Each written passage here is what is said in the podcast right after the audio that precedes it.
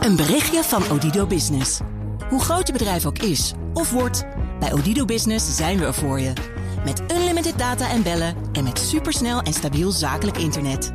Ook via glasvezel. Ontdek wat er allemaal kan op odido.nl/slash business. Het kan ook zo.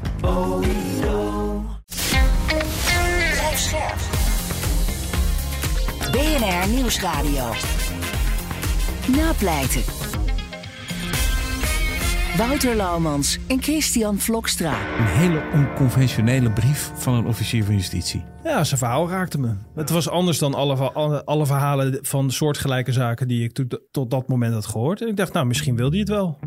En Ja, ik kreeg een mailtje van hem. We hebben koffie gedronken. Echt ook wel twee uur of zo, op het politiebureau. Ja, ik had ook nog niet eerder zo ergens verstuurd eigenlijk.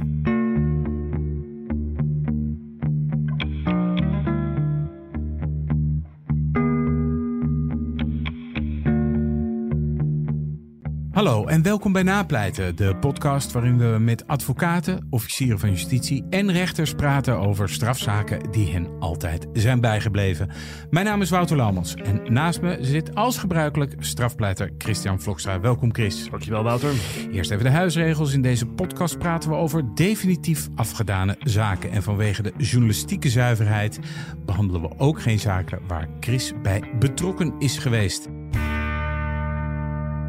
Chris, eh, jij hebt volgens mij wel eens jonge drugsdealers bijgestaan, volgens mij. Ja, zeker in het verleden, heel regelmatig. En je bent ook vader. Heb je in dat soort zaken waarbij je zeg maar jonge drugsdealers bij staan, heb je dan een soort opvoedfunctie? Eh, Want dat zijn vaak jonge jongens. Eh, nee, kijk, zo werkt het in principe niet. Hè. Een advocaat heeft natuurlijk geen opvoedfunctie. Dat is ook lastig in je, in je relatie met een cliënt. Kijk, het kan wel zo zijn, eh, en dat kun je bij jonge jongens hebben, maar dat kun je ook wel bij oudere mensen hebben. eh, dat je merkt in de gesprekken die je met iemand hebt, dat iemand het zat is. Hè. Dat iemand eruit wil, dat iemand eigenlijk heel niet meer in dat circuit wil zitten. Eh, en dan kan ik hem daarin wel eh, in meegaan. In de zin van: oké, maar als je dat wil, dan moeten we deze stappen hè, ondernemen. Bijvoorbeeld eh, openheid van zaken geven bij de politie, meewerken met de reclassering en andere hulpinstellingen. Hè, dus dan vertaal ik het naar eh, hè, hoe we dat kunnen doen. Maar ik ga niet zelf actief daarin te werken. Want dat, dat, dat, is gewoon, dat is, vanuit mijn positie is dat lastig. De zaak van vandaag die gaat om drugshandel. Een straatdealer van 20 jaar oud uit Utrecht-Zuid wordt opgepakt tijdens een grote opsporingsactie. Het is een heterdaadje. Hij stond net iets te verkopen uit de voorraad cocaïne en heroïne die hij op dat moment bij zich had. Tijdens de verhoren zegt hij niks, maar in de rechtszaal verandert zijn opstelling. Hij bekent, betuigt spijt en zegt dat hij ermee wil stoppen. Voor de gast van vandaag is dit de aanleiding om verder te praten met deze jongen. In de hoop meer te leren over hoe jongvolwassenen de wereld van de cocaïnecriminaliteit inrollen. Bij ons aangeschoven vandaag is de Utrechtse officier van justitie Bart Nietrouw. Welkom. Dankjewel. Jij hebt ja, eh, een RAIO-opleiding gevolgd, want je bent natuurlijk officier van justitie. Ehm, eh, daarvoor ben je advocaat geweest bij Spong. Even tactisch regisseur bij de politie en nu officier van justitie. Dus je hebt eigenlijk alle kanten van het strafproces van eh, dichtbij meegemaakt. Is dat, is dat eigenlijk een standaard opleiding die je dan doorloopt? Ja, vroeger was dat wel. Dat is eh, weg, ehm, nou ja, wegbezuinigd eigenlijk gewoon. Dat is doodzonde natuurlijk. Ja. Het grote voordeel van de, van de rijopleiding was dat je gewoon begon als griffier op de rechtbank. En dan deed je eigenlijk daarna een soort van plaatsvervangend rechter was je. Dan eh, officier opeens werd je in de diepe krochten van het OM gegooid. ja. Ja, en dan kom je En, nooit eh, meer uit dan. nee, nee, nee, in mijn geval kwam ik er nooit Nee. meer uit. Nee. Nee, Ik wilde eigenlijk kantonrechter worden eerst. Maar je had toen ook nog, hè, want dat is wel een dingetje, hè, die RAIO-opleiding, dat je inderdaad verplicht een stage had eh, Ja. bij een advocaatkantoor, toch? Ja, ja. Ja, twee Ja. jaar lang. Ja, ik kreeg iets korting omdat ik al wel wat eh, werkervaring had. Ik wilde heel graag bij de, bij de politie. Ja, Het liefst in het blauw, eh, maar dat kon niet. Het lijkt me gewoon heerlijk. Waarom kon dat niet? mensen aanhouden. Ja, Eh, dat was gewoon te ingewikkeld. Als je in het blauw zit, dan moet je ook vuurwapendragend zijn. Dan moet je daar die opleiding voor doen. Eh vinden ze allemaal een beetje spannend. Dus dat lukte niet. Dus ik werd eh regisseur. Boa was ik toen. Daar plaagden ze mij mee. Boa Bart was ik. Oh ja, joh. Boa. Omdat Maar- ze kenden mij natuurlijk al als officier. Toen was ik opeens bij hun was ik de Boa. Oh ja, joh. Maar je draait dan wel gewoon volledig mee met zo'n Ja, ja. met zo'n onderzoek. Maar ja, maar bij, bij een BOA denken mensen nu natuurlijk vaak aan eh, de, de, de, handhavers. hè, de- de- Ja. Maar een BOA is, was gewoon een bijzondere opsporingsambtenaar. Ja. Hè, in jouw geval, wat deed je dan in dat geval? Ik Was- deed eigenlijk gewoon alles. Ja. Maar ik was niet eh, vuurwapendragend. eh, maar ik, ehm, in principe deed ik gewoon alles. Dus verdachte horen, getuigen horen, ja. zoeken. Wat vond je het leukste aan het politiewerk? Weet je dat nog? Ja, op een gegeven moment hadden we een zoeking. De- toen wisten we dat er geschoten was vanuit een woning. Ja. Dat is lang geleden, dus kan ik wel vertellen. Eh, we wisten zeker dat er geschoten was vanuit de woning. En dat de schutter en het vuurwapen nog in de woning eh, was. En, ehm, en ik was gewoon, ja, ik was toen dus, hè, ik was een beetje gewend om dan officier te zijn en dat een beetje te coördineren. Maar nu moest ik, ik zei, nou, waar mag ik zoeken? En toen kreeg ik de kamer, ehm, een, een soort van kleedkamer. En het was een van de vrouw des huizes. En die had bijzondere kleding, laat ik het daar maar bij houden. Maar wacht even, even voor de luisteraar, ook voor mij eigenlijk. Want ik Ja. weet, jullie gaan ergens een zoeking doen Ja. in een huis. En weten jullie Ja. wat, hoeveel kamers dat huis heeft. En dan krijg je van tevoren krijg jij toebedeeld ja. hè, van jij gaat naar die kamer. Ja, je hebt een pandcoördinator. Ja. Hè, dus je hebt ehm, gewoon, meestal is dat ook degene die achter de laptop zit om beslag zeg maar ehm, in te voeren. Dus ja. die overziet het geheel. Ehm, en die zei, nou ga, pak jij die kamer maar. Dus ik ging die kamer doorzoeken. ja, En dan vond ik niks. nee. En op een gegeven moment, en dat is ja, vaak zo bij zoekingen, ehm, iedereen heeft er zin in. Oh ja, joh. Ja, dat zo- merken wij ook wel. Ja, eh, Als zeg dat- maar het eerste ja. kwartier. Ja. half uur ook nog wel. Maar als daarna, zeg maar, het nog niet gevonden is, dan zie je gewoon, zie je de energie, zie je dalen. Maar niet bij Ja. jou. Maar niet bij mij natuurlijk. Nee. Dus op een gegeven moment, we hadden het vuurwapen niet gevonden. We waren al een uur aan het zoeken. En ik dacht, ja, dat kan toch niet. En toen ging ik kijken, toen zag ik een krukje op een gekke plek staan. Toen dacht ik, hé, hey, die staat in de weg gewoon. Dat is niet waar je een krukje neerzet, normaal gesproken, als die niks staat te doen. Dus ik ging kijken, wa- wat is nou iets met dat krukje? En toen zag ik, het was een huis met een plat dak. In de badkamer, stond dicht bij de badkamer. Er zat zo'n zo'n zo'n luchtraampje zat daar. Ja. Ja, toen wist ik het eigenlijk al. Dus ik zette een krukje er neer. Ik ben een klein mannetje natuurlijk. Dus ik moest met, met mijn telefoon eh, zo op de camera stand. Ging ik zo even zo boven mijn hoofd. En eh, daar lag inderdaad vuurwapen. Dus de FO die ging, eh, die hebben dan zo'n ladder. Oh, Ja. forensische opsporing. Ja. Ja. ja. Dus de regisseur van de forensische opsporing die zeg maar sporen veilig stelt. ehm, dat soort dingen. Die ging het dak op met een ladder. Ja. Ja, en ik heb dan, ehm, ik heb niet echt ADD, maar wel soms. Dus ik ging daar achteraan en ik stond daar boven dat vuurwapen zo van, ik heb hem gevonden. Springen. en toen zei die man, wil je nou dat jouw sporen er ook op komen? Of, eh, Oh ja, ja het is net, je bent natuurlijk trots dat je dat... Ik kan me dat wel voorstellen dat je dan denkt... Ja, jongens, ik heb dat wapen gevonden. Hallo. Ja. Maar heb je dan nooit gedacht toen je zeg maar, die tijd bij de politie werkte van eh, ik wil hier blijven? Dit is mijn roeping. nou, Als je eerlijk Bart, is je kan hier eerlijk ook- zijn. Hè? Je kunt hier Ja. alles zeggen. nou, ik sluit zeker niet uit. Ik Nee. sluit zeker niet uit dat ik ooit nog wel eh, naar de... Ik hou echt van de politieorganisatie. Ja. Het zijn allemaal uitdagingen en allemaal, maar het is wel, het is een vreselijk interessante organisatie met allemaal verschillende afdelingen en expertises.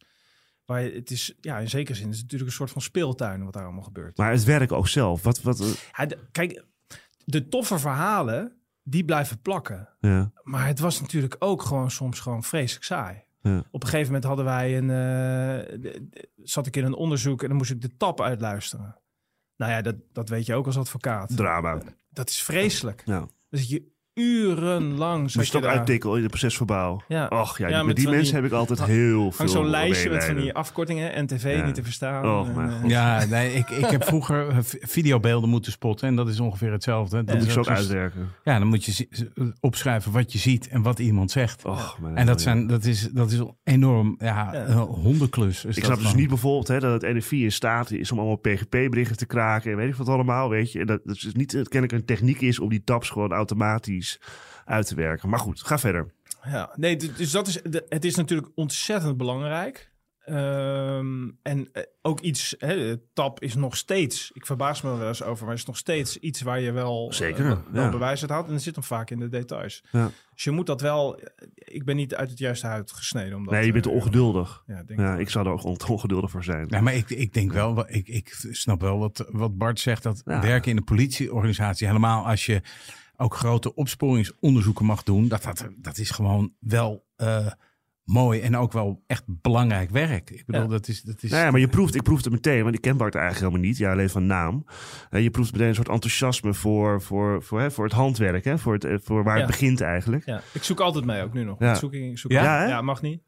Mag het niet? Nee, je krijgt zo'n, je krijgt zo'n zoekcursus. Ja. Als, je, als je een opleiding bent, dan krijg je de zoekcursus. Maar jij geeft is het een bevel, dus jij mag toch alles? Ja, maar het is niet Ja. de bedoeling. Nee, oké. Maar ik heb, bij die zoekcursus werd ik al uit de kruipruimte getrokken. Nee, eh, daar hoeft het niet, Bart. Maar even, even wel iets serieus, hè? want eh, eh, nu is die opleiding hè, nou, voor, voor rechter en officier is anders. Je zegt Ja. dat het is wegbezuinigd. Waar komt het dan precies op neer dat, dat al die, ja, die buitenstages eigenlijk, die vinden niet meer plaats? Hè? Nee, ja, som, nog wel een beetje. Maar de gedachte was ehm, dat met, ja, met staatsfinanciering je ook buitenervaring op ging doen. En de gedachte was, ja, hè, dat moet je gewoon regelen voordat je rechter of officier wil worden. Ja, En ja, dat snap ik ergens wel. Alleen, maar ja, zie nu ehm, de problemen. het schijnt dat we een tekort hebben. Ja. ja. Ja, het is voor- nou kijk, vroeger kon je gewoon meteen op zich beg- beginnen met de RIO-opleiding. Ja. Ja, als je uit je studie kwam, moest je iets van werkervaring hebben? Ja, je had zeg maar mensen die echt hele bijzondere dingen hadden gedaan tijdens hun studie, die, die gingen wel vanuit de collegebanken Ja. naar in. De meeste mensen hadden wel al, die waren paar een jaar. jaar, Ja. een paar jaar advocaat. Maar goed, dan kon je die opleiding in en dan ging je dus... Hè, maar je liep allerlei stages bij de rechtbanken, bij de politie, bij de advocatuur. Dat was voor ons ook heel nuttig als je Ja. twee jaar zo iemand eh, hè, in huis had. Ja, Want, die- want ze zijn heel goed, hè. Het zijn natuurlijk hele goede juristen. Nee, maar laten we wel zijn, je komt niet zomaar op die opleiding. Maar een aantal jaar geleden hebben ze dat dus afgeschaft vanwege bezuinigingen. Waardoor ten eerste het nu is dat je veel meer werkervaring zelf al moet hebben. Iets van zeven jaar of zo. Voordat je überhaupt aan die opleiding kan beginnen. En binnen die opleiding is eh, niet meer hè, zoals sprake van, van buitenstages. Ja. dat is enerzijds leidt het ertoe volgens mij dat er veel minder mensen die die opleiding gaan doen. Althans niet genoeg. Hè, want dus, bedoel, je moet eerst die, die ervaring hebben. Eh, en je merkt het ook. Hè, want mensen, ik ken heel best wel wat mensen die net zijn afgestudeerd. eh, die willen graag meteen ergens aan beginnen. Ja. En als je die zeven jaar laat fladderen, ja, dan heb je zoveel kans dat ze ergens anders naartoe gaan en niet naar die opleiding toe gaan. Dus ik vind het gewoon echt een domme keuze wat dat betreft. Nou, ze zijn wel iets, Maar, iets ja. aan het terugdoen. Dus soms wordt er nu wel weer buitenstage geboden aan officierenopleiding. Maar je hebt nu dus ook echt apart. Je hebt rechtersopleiding en officierenopleiding. En vroeger was het gewoon één groep. Ik zat in een lichting van 30 man. Volgens mij zijn daar een stuk of tien officier van geworden, zoiets. Ja. Maar dat vind ik dus ook problematisch. Want ook inhoudelijk, ook weer hierin. Hè, je, je leert niet meer al die werkvelden hè, allemaal Nee. goed kennen. Nee. En ook de advocatuur bijvoorbeeld, dus de kant van de verdachte. Ja. En je wordt al meteen gekozen, officier en rechter. Het wordt allemaal zo ja, naar binnen gericht. Of niet, Bart? Wat vind je daarvan? Ik vind het een verarming. Ja. Ja. Ja. Wij, wij vragen onze gasten altijd om een, eh, een, een zaak te kiezen. Waarom heb jij deze zaak gekozen? Omdat het, het is een, je zou kunnen zeggen, hele kleine zaak. Ehm, maar ik vind het een hele bijzondere zaak. Ehm, en, ik, en het, zit, het is een beetje zo'n snijvlak van eh, het kleine en het grote. Ehm, het is, en het, het zit middenin waar ik eh, nu een jaar of vier mee bezig ben. Namelijk het vraagstuk jonge aanwas in de cocaïnehandel. Ja, eh, wat moeten we ermee? Ja. Hoe kwam deze zaak bij jou? Hoe, hoe ging dat? Ehm, ik had een onderzoek gedraaid samen met het politieteam op drugsdealers. En we hadden een bepaalde methodiek waarop we, zeg maar... Hè, dus het was wel een gepland onderzoek waarbij we bepaalde drugsdealers in beeld kregen. Nou, dan ga je toe- toewerken naar wat we een klapdag noemen. Ja, dan Dus ga ik toch eh, even bellen. Klapdag. Ja, dat, ja dat, is, dat, is, dat is wel mooi lingo eigenlijk. Dat is echt, echt politiejargon. Ja, ja de, de klapdag, dat is... eh, je doet heel lang onderzoek en op een gegeven moment heb je bedacht... op die en die dag gaan we klappen. Dus dan gaan we iedereen aanhouden, gaan we huiszoekingen doen. Dingen meestal op dinsdag. Ja. Ja. dat is handig voor de voorbereiding. ja. Ehm, dus daar was je mee bezig met dat onderzoek. ja, ja. En, en zeg maar gaandeweg komen die jongens steeds meer in beeld. Maar voor mij zijn ze natuurlijk altijd heel, heel abstract.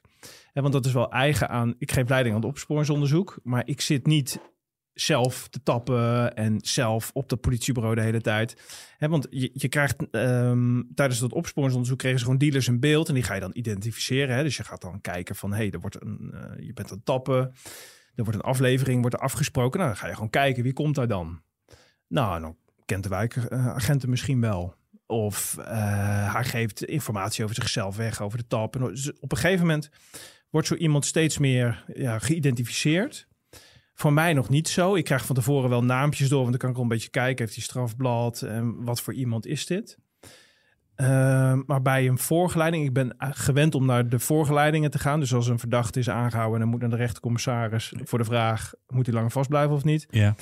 Ik probeer daar altijd heen te gaan. Hm. Omdat dat, uh, ja, voor het eerst zie, zie ik daar de persoon waar we, waar we onderzoek naar doen. Ja, tot die tijd is hij eigenlijk gewoon, of, of, of zij, een, iets Hij- in een dossier. Vrouwen bijna niet. Nee, oké. ja, ja, Maar meestal. mag ik even terug, eh, Bart, eh, als Wouter bij toestaat, want dat doet hij wel, toch? Ja, zeker. Eh, want kijk, we hebben hier natuurlijk eerder officieren van justitie gehad. eh, die vertelden over een strafzaak hè, die ze behandelen. Maar het waren wel vaak officieren, niet altijd overigens. Hè, die die eh, de, de zaak eigenlijk in piket kregen. Ja. Hè, maar jij houdt je bezig, of je hield je toen bezig, misschien nog steeds wel als officier met het bestrijden van drugscriminaliteit Ja. in Utrecht. Dan start je dus ja, zelf zaak, wil Ja, ja, het zijn geplande onderzoeken. Ja, dat zijn geplande onderzoeken. En eh, wat ik me afvraag, ja, hoe, hoe start zo'n onderzoek? Of hoe is dit onderzoek gestart? Hè? Want dit gaat om dealers die Dit thuis... is echt een advocatenvraag. Nou ja, is interessant? startinformatie. Nou, ja. dit is niet de precies startinformatie, maar wat, wat, wat maakt hè, dat op een gegeven Ja, moment dat je, met, dat je met de politie zit, jij, en dat je zegt, nou, laten we deze jongen eens, eens hè, eh, achterna gaan. Ja. Kijk, hoe dat hier precies is gegaan, dat ga ik niet vertellen. Nee, maar in zijn algemeenheid. In zijn algemeenheid heb je... eh, dit is meteen wel een heel, heel interessante vraag. Ja, maar daar ben ik Ehm, voor, hè, Bart. Omdat, kijk, de politie weet veel. Ik vind altijd het zakboekje van de wijkagent vind ik heel interessant. Nou, die zien alles op straat gebeuren. Die zien het en als je met een wijkagent gaat praten, dan weet hij heel veel te vertellen. Ja. Dus dat is zeg maar input 1. Eh, input 2 is, is, is de analysekant van de politie, die uit informatie dingen gaan doen. In een ideale wereld kan de analist hetzelfde naar boven halen als de wijkagent. Maar dat is natuurlijk niet zo.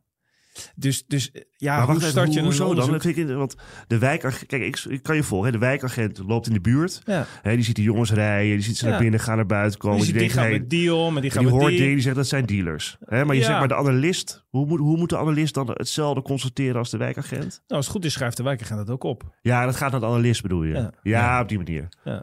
Dat werkt Dus- ook echt zo. Dus de wijkagent die die zet het in het systeem. en- Mutaties. Ja, maar die, maar die worden ook door een analist meteen bekeken. Ik bedoel, die muta ik heb altijd bij mutaties, die, die poppen later dan een keer op als ze nodig zijn, zeg maar. Ja, maar, dan je kan er natuurlijk ja. naar zoeken. Ja, En je kan aan een analist kan je vragen... ehm, wie is in deze specifieke wijk van Utrecht... Ja. of Lelystad, of hè, ik werk in Midden-Nederland... wie is daar nou iemand die op dat snijvlak zit van... Hè, wat is, eh, kijk, een straatdealer is interessant... ja, Maar wat ook interessant is, is wie is de gast die boven die straatdealers zit. ja. Ehm, en, en er zijn verschillende manieren om daarachter te komen. Ehm, en dat is helemaal niet altijd makkelijk. Ik, ik vind het altijd, ik vertrouw heel erg op wat het blauw ziet op straat. Ja. Dat vind ik altijd. Maar ik kan natuurlijk niet een opsporingsonderzoek beginnen, omdat de wijkagent tegen mij zegt: Ja, Piet, daar moet je eens naar kijken. Ja, Dat kan niet. Zo werkt het niet. Ik moet natuurlijk wel een redelijk vermoeden van schuld hebben. Nou, maar hoe werkt het dan zeg maar, in de informatie? Dus je hebt wijkagenten in buurten, die, die, die maken mutaties, geven informatie door. Maar hoe, hoe, hoe gaat het dan ver die politieorganisatie in en hoe komt het dan bij jou terecht en dat je zegt, hé, hey, we gaan een onderzoek starten? Nou, kijk, dat is ook wel een beetje eigen aan de rol zoals ik die nu vier jaar ongeveer doe. En het, en het programma Straatwaarde, zoals dat in, eh, in Midden-Nederland eh, heet. Hè. Ik zal het niet vreselijk ambtelijk ermee Ja. gaan vermoeien. Nee, houd simpel. Eh, hè, maar er is een, een, een aantal jaar geleden is er, is er gezegd... ehm, we kunnen grote boeven vangen. Dat moeten we doen, dat blijven we doen. Maar de vraag, als je kijkt naar de, het, het excessieve geweld gekoppeld aan cocaïne... Ja, dus dan heb je het over de zaken Ridwan Taghi Ja. en dat soort zaken. Ja, kleine jongens worden grote hè, Laten we jongens. wel zijn. Ja, maar kleine jongens worden grote jongens. We kunnen de grote jongens pakken, maar we kunnen ook kijken... hey, hoe komt het nou? Waar, waar ontstaan de kleine jongens die door gaan groeien naar de grote jongens? Ehm, en daar is het programma Straatwaarde uit voortgekomen. Die kent een, zoals wij dat noemen, repressieve tak Nee, geen belletje. En een preventieve tak. Ja, nou, dat, ik ga ervan uit dat, eh, dat de luisteraar repressie en uh, Nou, ja, maar preventie laten we weet. voor de duidelijkheid wel, want het is wel van belang denk ik voor het verhaal van Bart. Ja. En de repressie is gewoon de reactie Zal ik dat op toch het- even bellen? Ja, toch nou, even wel van belang. Want kijk, de repressie is natuurlijk de reactie die de overheid heeft op de strafbare feiten. Ja. Hè, dus in de vorm van gevangenisstraffen, maatregelen, wat dan ook. De preventie is, hè, wat, doe je als, wat doe je als overheid Om om, te te voorkomen, voorkomen, dat ja. dit plaatsvindt? Ja, en, en als je dan nog even iets verder dieper erop ingaat, dan heb je dus de generale preventie en de speciale preventie. Ja. En, de toch- generale ja, preventie. Ja, ik nodig. ga niet nog een keer bellen. Nee. Nee, de generale preventie is dat je zeg maar het strafrecht inzet om aan de maatschappij te laten zien: kijk, dit moet je dus niet doen, want dan heb je een probleem. En de eh, speciale preventie, dat is dat je op het individu ehm, investeert om te voorkomen dat dat individu nog een keer weer de fout in gaat. Het opmerkelijk is natuurlijk dat het OM dat doet, want die zijn Ja? eigenlijk voor opsporing. Ja, Dat is natuurlijk echt. vraag. Je zou zeggen van ja, joh, wat heeft OM daarmee te maken? Het is OM eh, die komt achter je aan als je de fout in gaat. Ja, nee, dat, is, dat, is een, dat is een terecht punt. En, en, die, en die vraag die popt zo ongeveer ook nog, wel, eh, nog regelmatig op. Hè. Ja, zijn wij er nou van of zijn anderen daarvan? Ja, maar dat Ja. komt natuurlijk ook een beetje door de rechtsstatelijke positie die het Openbaar Ministerie Ja. heeft. Hè? Ik bedoel, kijk, het Openbaar, ik, het Openbaar Ministerie, kijk, net zoals vorige week met de officier van justitie Annette Boenders die we hadden. Eh, eh, kijk, rechters en advocaten die zijn natuurlijk alleen maar bezig met die, die strafzaken, die vervolging eigenlijk, die berechting.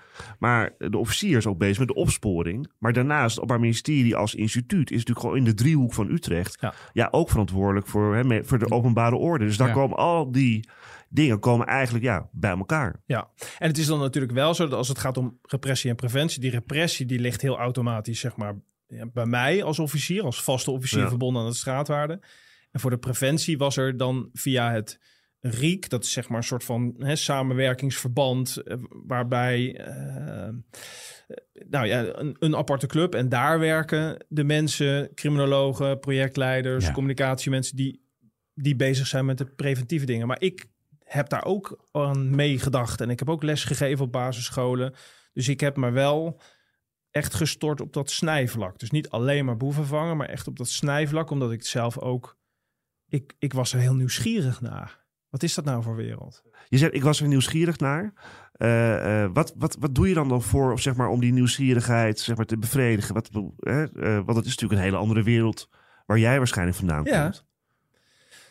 Nou, ehm, ja, het is heel anders. Ja. En ik, een van de kerntaken van mijn werk is oordelen. Ehm, ehm, en het, het, uiterlijke, het uiteindelijke oordeel is aan de rechter. Maar in mijn werk zitten ook allemaal ehm, kleine oordeeltjes. Ja. Is iemand wel of geen verdachte? Ga ik wel of niet Bob Middel inzetten? Ga ik hem tappen? Ga ik andere dingen doen? Dus, dus je bent eigenlijk constant bezig met oordelen over een ander. En dat is een ongemakkelijk iets. Vind je dat? Ja? Ja, dat vind ik een ongemakkelijk iets. Ehm, omdat je oordeelt over de ander en je heel vaak totaal niet weet wie die ander is. Ehm, en een deel van dat ongemak wordt, wordt weggenomen doordat wij daar gewoon hele duidelijke regels eh, over hebben in het wetboek van strafvordering. Je mag geen drugs stelen, je mag geen auto stelen. Ah, en hij heeft bevoegdheden om in Ja, te zetten. en wil ik Ja. iemand gaan tappen, dan moet er in ieder geval wel sprake zijn van een strafbaar feit waar voorlopige hechtenis op En de staat. machtiging van de RC. Dus Precies. Ja, ja. Hè, dus, dus, maar maar, maar eh, ik ben natuurlijk in de afgelopen vier jaar aan het werk geweest met een hele specifieke groep jongens. Die heel, uit een heel ander nest komen dan ik. En die heb je leren kennen, die jongens. Ja, en het is ontzettend ongemakkelijk dat je heel vaak jongens tegenkomt.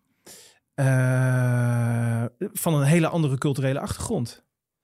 Ehm, en ik ben gewoon eh hartstikke Hollandse witte gast eh, die ergens in de Veluwe vandaan ja, net zoals vandaan komt. Ja. Ja. En dan, en, dan, en dan zie je gewoon dat eigenlijk dat, dat een heel groot gedeelte van de verdachten die je tegenkomt, die hebben hele andere, andere roots. Eh, hè, bijvoorbeeld, eh, heel veel, die hebben Marokkaanse roots. Ja. En dat vond ik ontzettend ongemakkelijk worden.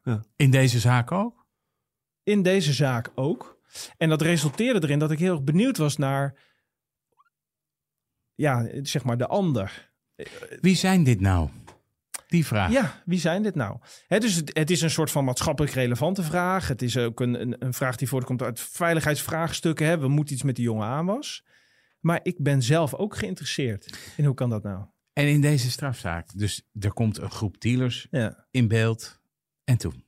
Nou ja, kijk, de meeste gasten die zeggen gewoon zwijgrecht. Jullie hadden ze gepakt. De klapdag was geweest. eh, En en, een stuk of 10, 15 hadden we binnen. en dan krijg je die in verhoorkamers. Nou, dat Ja, is wel- daar, zwijgrecht. zit, daar zit jij niet bij. En dan zeggen ze allemaal zwijgen. Maar waren dat het allemaal dealers of waren het ook zeg maar, de jongens die het, die het aanstuurden? Ja, die laatste ook, maar die zaak is nog niet onherroepelijk. Oké, Maar nee, dan gaan we het nu het alleen maar, ja. oké, dan gaan we het alleen maar over de dealers Ja, hebben. die is ja. wat een pra- Ja. dat is zo jammer dat die niet onherroepelijk is. Dat is een prachtige zaak, staat daar nog boven. Nou, Ja, dan kom je, kom je, kom je, kom je Komen we volgend jaar terug. terug, ja.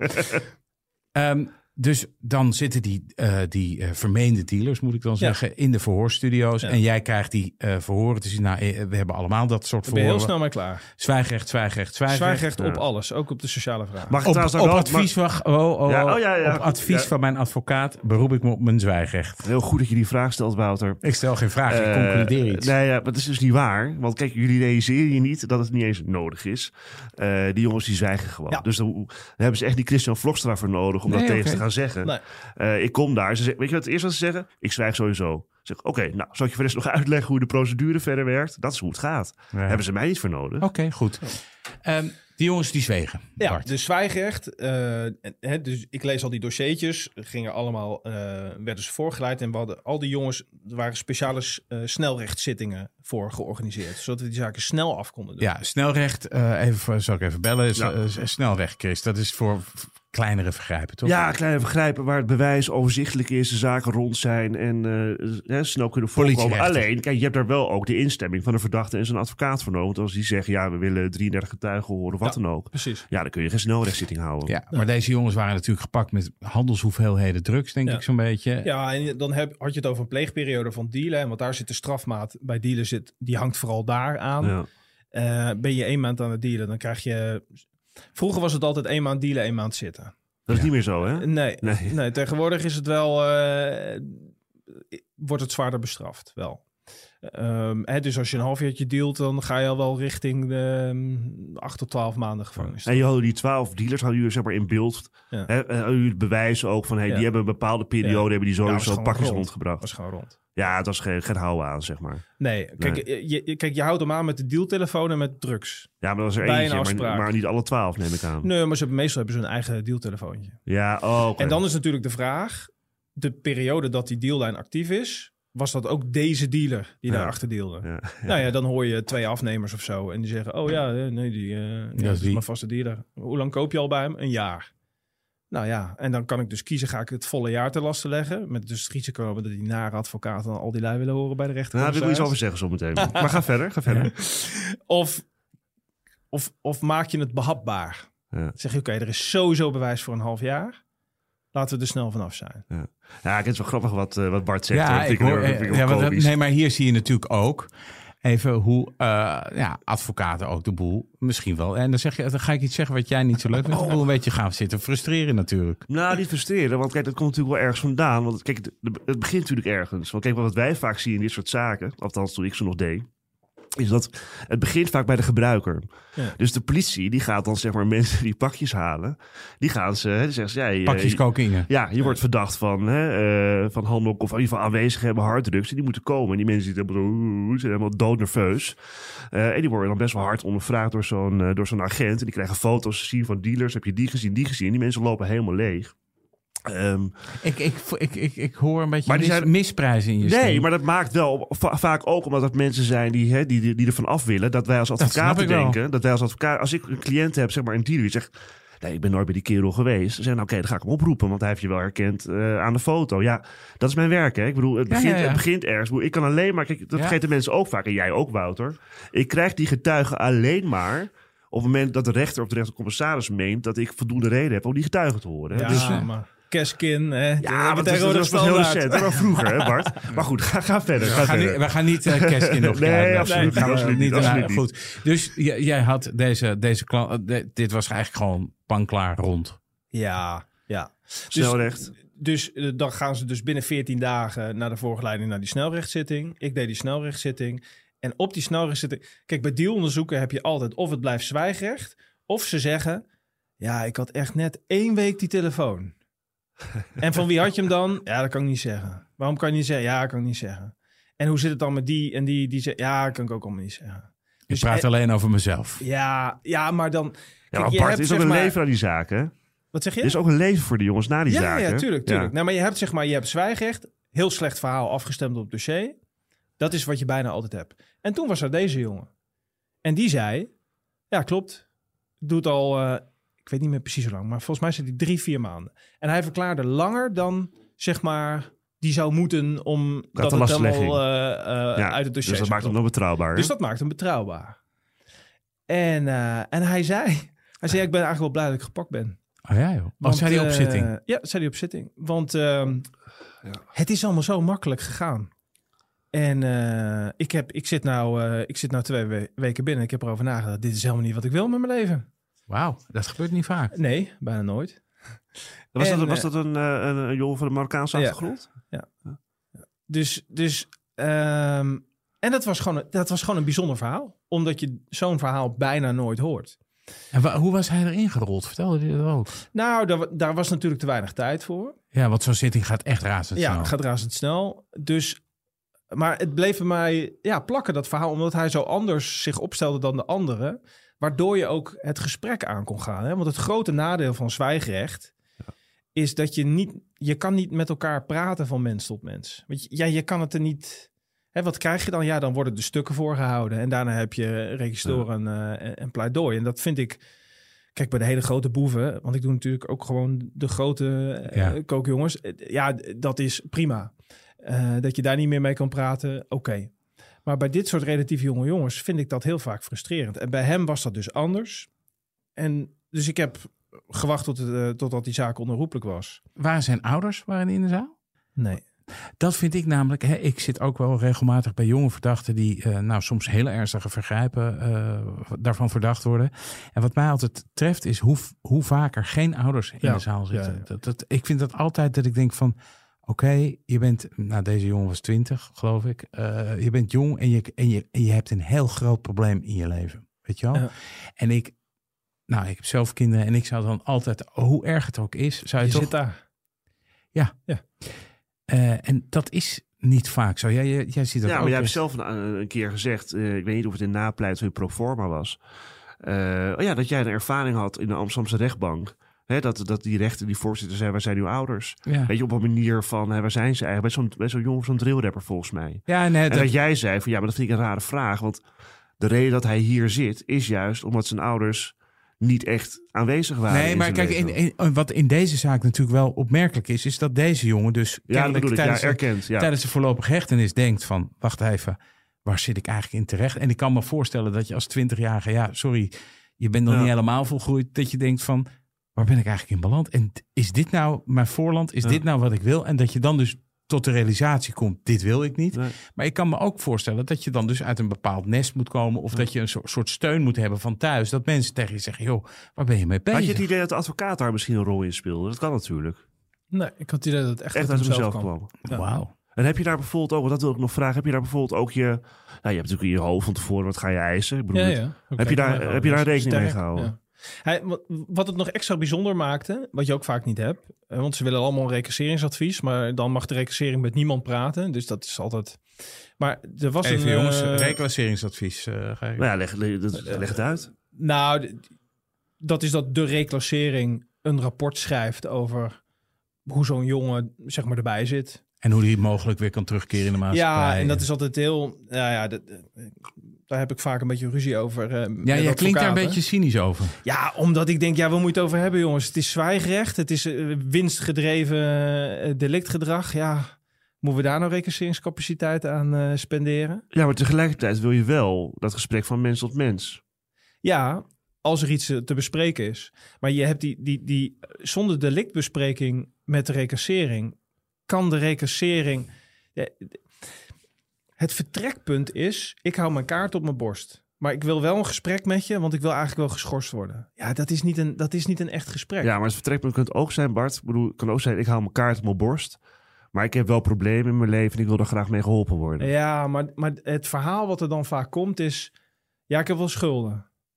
Ja, hoeveel dan? 3000 euro. Oké. En ehm, dus ze willen schulden en een huis. Ja, Ja, jongens, daar hebben we de schuldhulpverlening voor. En snap je, dat is En de niet- woningbouwvereniging. ja, Ja, maar die moeten ze wel kunnen bereiken. hè? ja nee, maar aan de andere kant denk ik ook... Ja, maar dat is een probleem wat iedereen misschien wel Ja. heeft. Jazeker. Maar kijk, dat is, maar goed, het is natuurlijk de vraag. Wat wil je bereiken? Nee, goed. Oké. En, Weet je, jij weet zelf, hè, want kijk, dit gaat over Utrecht-Zuid, hè, waar, waar Ja, jij je voornamelijk mee... Kijk, wij, wij kennen Amsterdam natuurlijk beter, jij helemaal, meer dan ik nog. Hè. Ik bedoel, dat is te vergelijken hè, qua problematiek. Van, hè, misschien met, met eh, Zuidoost. Ja, nee, kijk, ik bedoel dat, dat daar problematiek is en dat daar jong- dit soort jongens zijn en die zijn er veel. Het zijn er best wel veel, eh, vind ik altijd. Eh, ja, dat, dat is, een, is een gegeven. Ja, nee, maar de vraag is namelijk, ik bedoel, ik bedoel het in alle oprechtheid, hè Bart, dat ik je helemaal kan volgen en ondertussen ook denk, eh, maar waar ligt de oplossing? Snap je wat ik bedoel? Ligt de oplossing alleen maar bij jongens die op zitting erkennen? Hè, eh, ik vind in het wel een belangrijke eerste stap. Daar volg ik Bart wel in. Nee, dat, nee, natuurlijk is dat, kan dat een hele belangrijke eerste stap zijn. Alleen het is natuurlijk wel, je moet je ook weer realiseren. Het is, natuurlijk kan het een gesprek van mens tot mens zijn, maar die jongen is verdacht, hè? Ja, ja. En die is 20 Ik- jaar, ik- ik 21 snap jaar, de 19 jaar. En, en- die zit daar en die, en die moet wat. Met de registrering kan je ook een gesprek tot mens tot mens hebben. Maar als de registrering als uitgangspunt heeft... je moet eerst je delict bekennen, anders kunnen we eigenlijk niks met je. Ja, dan schiet het natuurlijk ook niet op. Ehm, Ja, Dus maar vraag- weet je wat ja. het wel is, eh Vlokstra? En dan ga ik, eh, is natuurlijk wel nee, maar het is toch gewoon een serieus gesprek. Bedoel, Ja, ja, nee, het is natuurlijk als je zo'n. Ik, ik snap het wel. Het is geen loterij zonder niet, hè, natuurlijk. Dit. Nee, maar goed, het, maar dat, die balans daarin, weet je, van en wat moet je dan wel doen en wat Ja. moet je niet doen en wanneer ga je hè, van preventie over naar repressie als het om een individu gaat, dat vind ik een interessante vraag. Ja. Of, Maar jij- of, of zie jij dat anders, Bart? Mijn vertrekpunt is... ehm, je hebt iets gedaan en daar heb je gewoon mee af te rekenen. Ja, dat is waar. Ehm, en, en de tactiek die heel vaak gehanteerd wordt is... we willen eerst een schorsingsrapportage en geschorst worden. Dan willen we uitstellen met het horen van allemaal getuigen. En na zoveel tijd is de inhoudelijke behandeling van de strafzaak. En dan zal de rechtbank niet meer alsnog een vrijheidsstraf opleggen.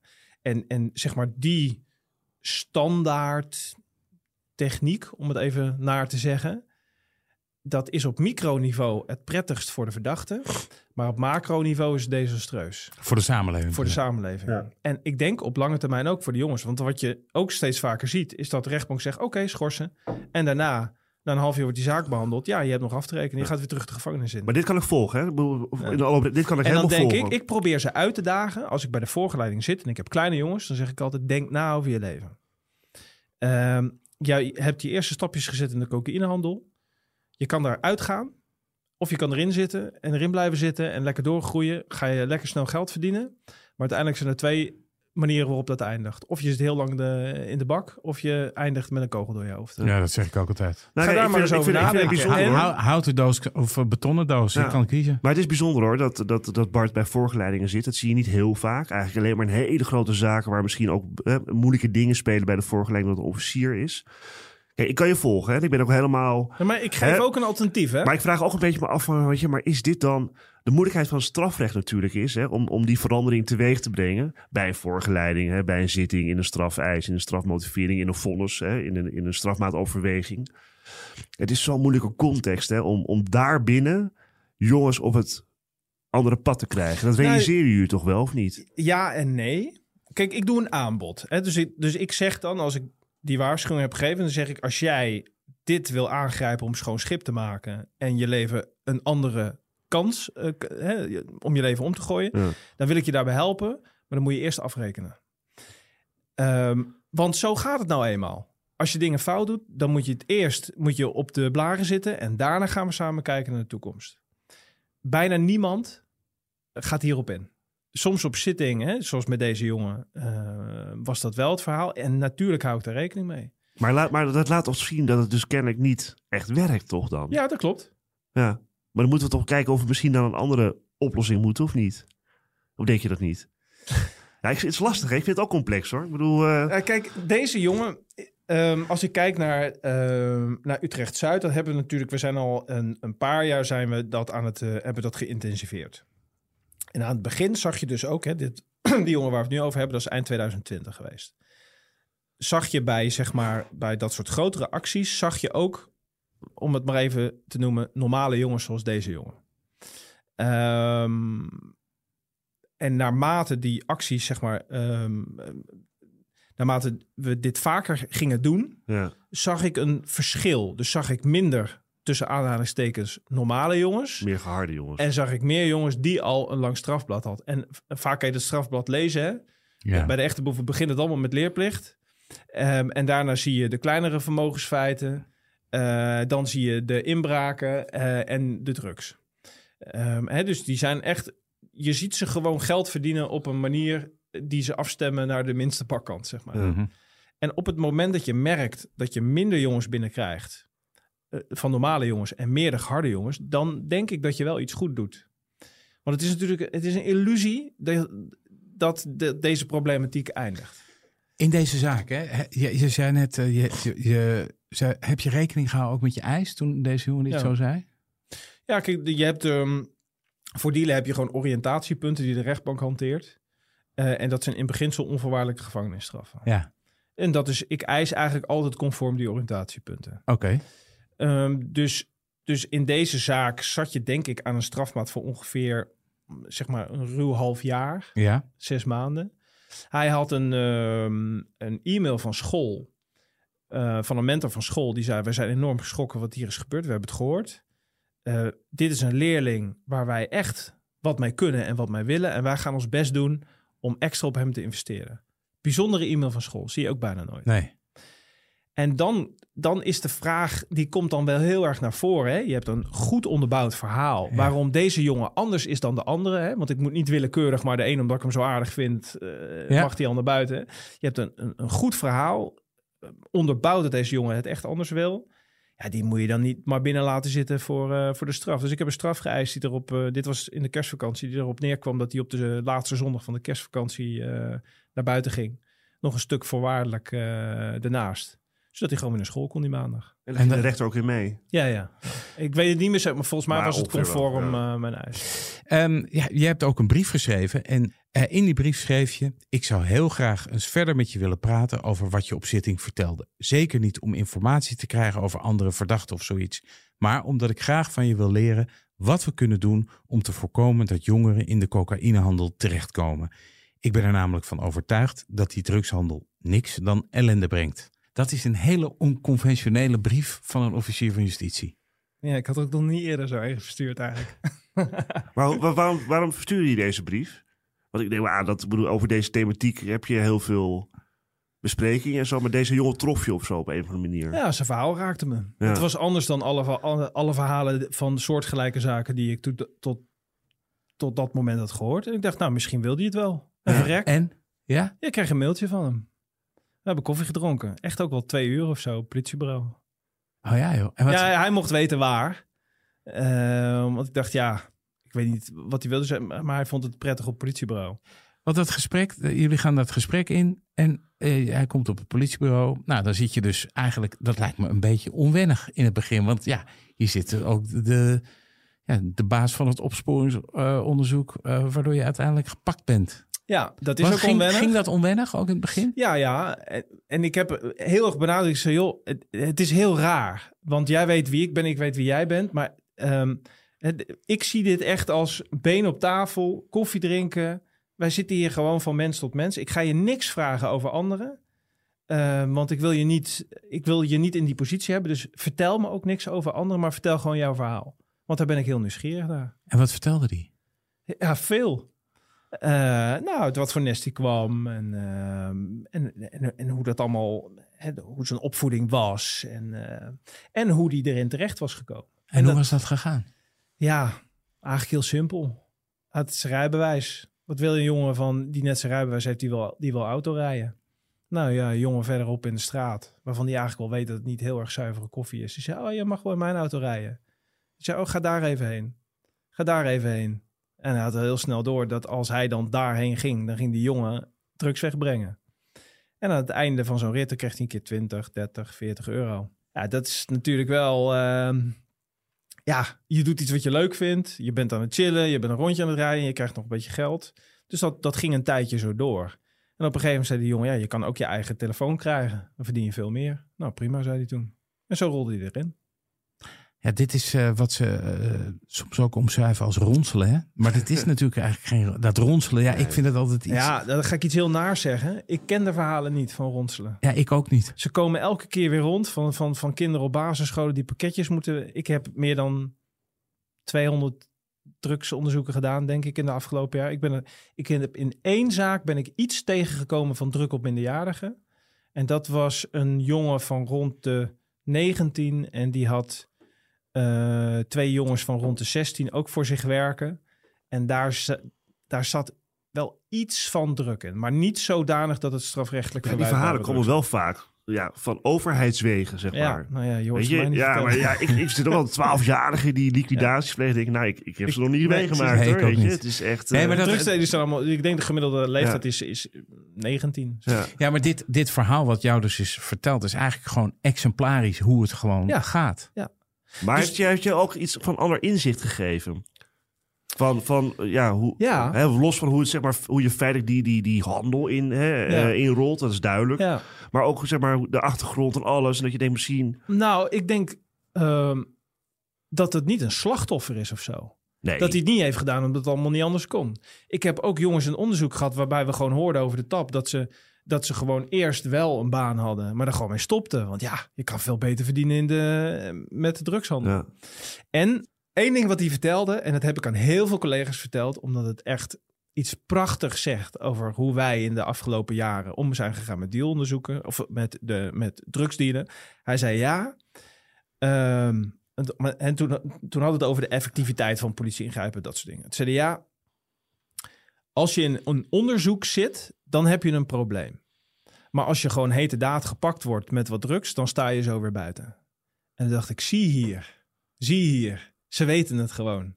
Als, er geen, hè, als we een toevalstreffer hebben, we houden een dealer aan, we weten allemaal dat het een dealer is. Ja, pff, ingewikkeld, hebben we capaciteit? Nee, nou, we houden het bij bezit. Ja. En als, je, als, je, hè, als er een onderzoek is en je bent er gericht naar op zoek, dan heb je wel een probleem. Nou, zo is dat gegaan in die wijken. Dus eigenlijk is jouw constatering gewoon, het is verdomd lucratief. En Ja, ja, dat is het ook. Maar ja, het punt is toch niet, Bart, eh, eh, zijn het slachtoffers, zijn het daders? Weet je, het punt is toch meer, ja, maar dat is zo'n zwart-wit discussie, hè? Het is Ja. toch maar dat meer, frame, hè, dat, want dat komt heel vaak weer binnen. Alsof die jongens een soort van kansarme stumpert zijn die niks anders kunnen dan drugs dealen. En mijn stelling is, in beginsel is het allemaal wel overwogen. Want dit is gewoon verrekte, makkelijk, lekker snel geld verdienen. Ja, maar dat bedoel ik ook niet. Ik bedoel meer dat, dat, er, eh, dat er een andere context is. Dus dat je... Kijk, we hebben het net over gehad over het één op één gesprek op zitting. Hè? Hoe vaak dat eigenlijk niet plaatsvindt. En hoe vaak eigenlijk zeg maar, een strafrecht geen verandering teweeg brengt. Hè? Bij, bij jongens die jij, Ja. die jij voor je hebt. En ik vroeg je niet voor niets van... Ja, maar moeten we dan niet naar een andere manier toe, zeg maar. Jazeker. Hè? En, zeker. En, en dat bedoel ik eigenlijk hier eigenlijk ook. Hè? Dus dat, dat je... Ja, Dat, maar daarom moet je denk ik, je moet het en-en doen. En vaak doen we of-of. Dus we doen Ja. of repressie en dan een paar keer achter elkaar en dan doen we niks. Of we doen alleen maar preventie. Dus dan gaan we zeggen, ja, we moeten die jongens helpen. En we moeten ze een baan geven. Ik heb heel veel jongens een baan aangeboden. Ik ben op een gegeven moment zelf de boer opgegaan naar bedrijven. Jongens, hebben jullie plekken? Stel nou dat er een jongen uit die drugscene komt en die zegt, ik wil helemaal opnieuw beginnen. Hebben jullie een plek? Ja, we hebben een plek. Ik heb nooit die mensen gebeld om die plek in te vullen. Want ze hebben helemaal geen behoefte aan een baan krijgen. Dus je moet eh, hè, preventie gaan doen zonder dat daar repressie tegenover staat, is gewoon kansloos. Je moet het allebei doen. En dat Ja. hebben we geprobeerd. Dus in bepaalde wijken, je gaat en met strafrechtelijke onderzoeken ga je gewoon de gasten eruit pikken om de tanden van het strafrecht te laten zien. En je gaat in die wijk ga je aan de gang met eigenlijk de laag eronder eh, met preventieve eh, eh, maatregelen. En waar heb je het dan over? Bijvoorbeeld lesgeven. Is een lesprogramma ontwikkeld, kapot sterk. En dan ga je aan groep 8 ga je vertellen over, eh, over de, de cocaïnehandel. Ja. En ik dacht dus in het begin, Heel zijn jong. we nou helemaal knettergek geworden? Ja. Toen ik 12 was, toen wist ik wel wat drugs was, denk ik. Ja. Maar veel meer dan dat niet. En dan kom ik daar in de klas en dan ga ik daar mijn verhaal doen. dat is een andere wereld. En ze weten het allemaal. ja. Ja, maar juist daarom, juist omdat het een andere wereld is, Ja. zul je er dus anders op moeten. Nou, ik, ik heb, ook, ik heb, heb eh, eh, ook wel les gegeven op, eh, op scholen. En wat mij ehm, dan wel trof. Eh, kijk, ik denk dat je in geen enkel land zoveel kansen krijgt als in Nederland. Hè? Dus dat, dat, eh, en aan de andere kant is er, is er wel sprake van. Niet, iedereen heeft dezelfde kansen Tuurlijk. in dit land. Ehm, maar wat mij trof aan die gesprekken op zo'n school. Is dat eh, bij een aantal van die jongetjes. dat die al een heel fatalistisch zelfbeeld hadden. op hele jonge leeftijd. Dat ze dus zeiden van. over de drugshandel. Ja, maar meester, ik word toch niks anders? Weet je wel? Dat, ze- dat, waar dat, komt dat vandaan dan? Ja, dat weet ik dus niet. Maar dat is, dan ga je, betreed je dus eigenlijk hè, het, eh, de sociologie. Zit je dan, ga je dan, Ja, ja. Ga je dan, ga je Maar dan dit in. probleem is zo groot. Dit kan je niet oplossen. Het, dit heeft te maken met, eh, met huisvesting. Het, ik kwam op scholen met eh, geen één wit kopje ertussen. Ja. En, en daar heb ik niet zozeer een, een, een oordeel over, maar ik schrok er wel van. Omdat we, we- wij groeien met elkaar op, zeg maar, in Nederland. Ja. En we hebben een multiculturele samenleving in Nederland. En dat is wat je verwacht dat je ook ziet op een school. Ehm, en, en dat is natuurlijk al, hè, dat zegt iets over de context waarin je opgroeit. Ehm, ehm, je hebt het over huisvesting. Eh, als je als kind iets voor jezelf wil doen, kan dat thuis? Of moet je dan de straat op, waar ook andere straatdingen gebeuren? Dus het is, het is gewoon een probleem met heel erg veel facetten. En wat er bij mij uitspringt wel, ehm, is als je het hebt... Want ik probeer met die kinderen, ik vertel verhalen. Ver- verhalen over verdachten die ik tegen ben gekomen. Op scholen doe je dat. Ja, Om te dus, ik, dus ik vraag eerst, jongens, eh, ik ga eerst natuurlijk dat trek betoog aan. Dan zeg ik, nou, hè, wat is dit nou voor rare jurk? nou, dan gaan we het daarover hebben. En dan mogen ze een getal roepen tussen de 300 en de 400. En dan kunnen ze controleren of ik mijn werk een beetje goed doe. Want dan moet ik uit mijn hoofd zeggen welk strafartikel het is. En dan ga ik die tekst voorlezen. Dan vinden ze hilarisch ja, natuurlijk. ja. Daar snappen ze helemaal niks van. En daarna zeg ik, ik heb een gekke vraag. Wat is echt belangrijk in het leven? En dat schrijf ik op bord. Ja. Hele mooie dingen. Familie, geluk, gezond. Allemaal van dat soort dingen. Mhm. En dan ga ik een aantal verhalen vertellen. Van hele kleine verhaaltjes tot grote, zeg maar, verhalen. En daarna zeg ik, hey, als we nou kijken naar wat echt belangrijk is in het leven. Hoe ging dat eigenlijk met deze personen? Konden die nog een familie zien? Konden die nog... Nou, het is misschien een beetje cheesy als ik het zo vertel. Nee, maar ik, her- ik herken dit wel. Want dat is ook altijd wat ik zeg. De, de echte, wat echt iets waard is in Ja. je leven, is tijd Ja. en niet geld. ja. Eh, Maar wat mij raakt is hoe onafgestemd de dromen van die kinderen zijn. Want die jongens willen rapper of voetballer worden. Ja. En laten we wel wezen, dat lukt er niet. Dat lukt nou niet waarschijnlijk geen één in die klas. Nee. En dan denk ik Of wel... influencer. Ja, of in, tegenwoordig, ja, nee, dan denk ik wel... ehm, hoe gaat dat nou, ook thuis? Wordt er echt gesproken over... Wie ben je als kind? Wat kan je goed? Wat kan je niet goed? Wa- Wat, wat, En ik, ik denk dat je, maar eh, daar Bart, daar raak je natuurlijk ook wel iets. Dat sommige gezinnen, daar, daar gaat het daar helemaal niet over. Ik heb wel eens iemand gesproken die zei, die vroegen mij, en Chris kent dit verhaal, eh, ging het bij jou thuis vroeger over geld? Ik zei, eh, nee, ja, als, je, als ik niet, weet ik veel, als ik een nieuwe spijkerbroek wilde en mijn moeder vond het te duur, dan ging het over geld en dan werd het. En toen zei de jongen zei tegen mij, bij mij thuis ging het altijd over geld. Precies. Alleen maar over geld. En waarom? Omdat het er niet was. Eh, en eh, m- m- m- en dat, dat ha- had ook. eh, die jongen die was best wel eh, openhartig erin. Dat hing natuurlijk ook samen met de keuzes van zijn ouders. Die hadden veel kinderen en die hadden eh, weinig inkomen. Maar daardoor was geld altijd een nijpend iets. En wat had die jongen daardoor geleerd? Dat geld eigenlijk alles was. ja. Ja. Ja, maar kijk, het is ook, weet je, wat, dat je zegt van, hè, waarom vindt dat gesprek niet plaats? Want het gesprek vindt niet plaats. Kijk, het is echt, jongens, als je, als je, als je met acht eh, kinderen op een flat woont, hè, waarbij vader eh, veel werkt of niet in beeld is en moeder moet eh, het gezin runnen en zussen die voeden hun broertjes op. Ehm, Dan gaat het snel mis. en er is, geen, er is geldgebrek. Hè? En, en de, eindjes, de energierekening is een hoog en het eten wordt steeds duurder. Dan kan dat gesprek niet plaatsvinden. Hè? Dus dat is wel, denk ik, elke keer weer. Kijk, laat ik het zo zeggen. Als jij kijkt naar de he- gehele, als we even de gehele problematiek pakken, echt even helemaal meta. Ehm, wat lost het strafrecht uiteindelijk, denk jij, op hierin? Behalve, Het strafrecht is een noodzakelijk kwaad. precies, hè? Om, om de ergste gevallen eruit Je te moet trekken. repressie moet je blijven doen.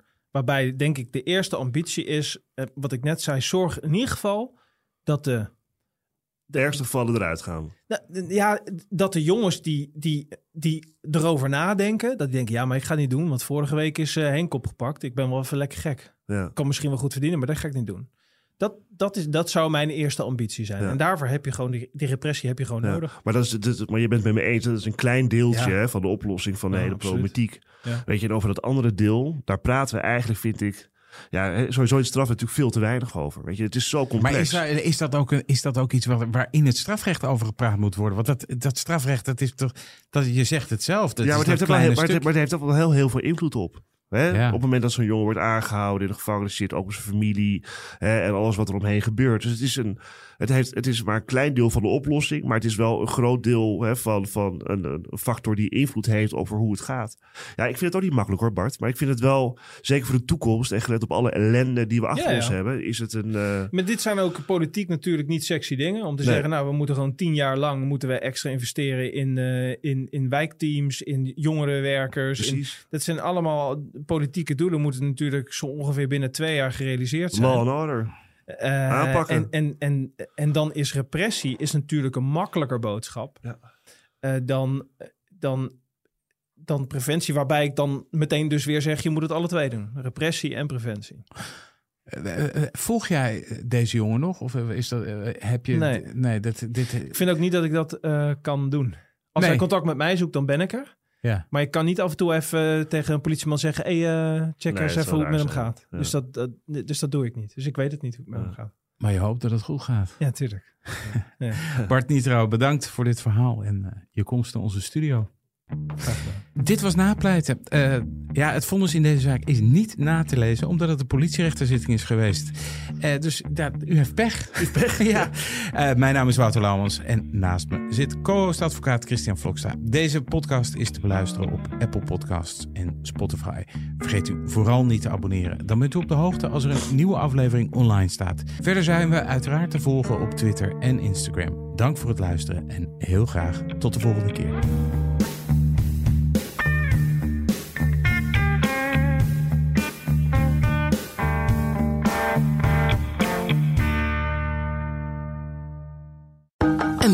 Van Odido Business. Hoe groot je bedrijf ook is of wordt, bij Odido Business zijn we er voor je. Met unlimited data en bellen en met supersnel en stabiel zakelijk internet. Ook via glasvezel. Ontdek wat er allemaal kan op odido.nl/business. Het kan ook zo.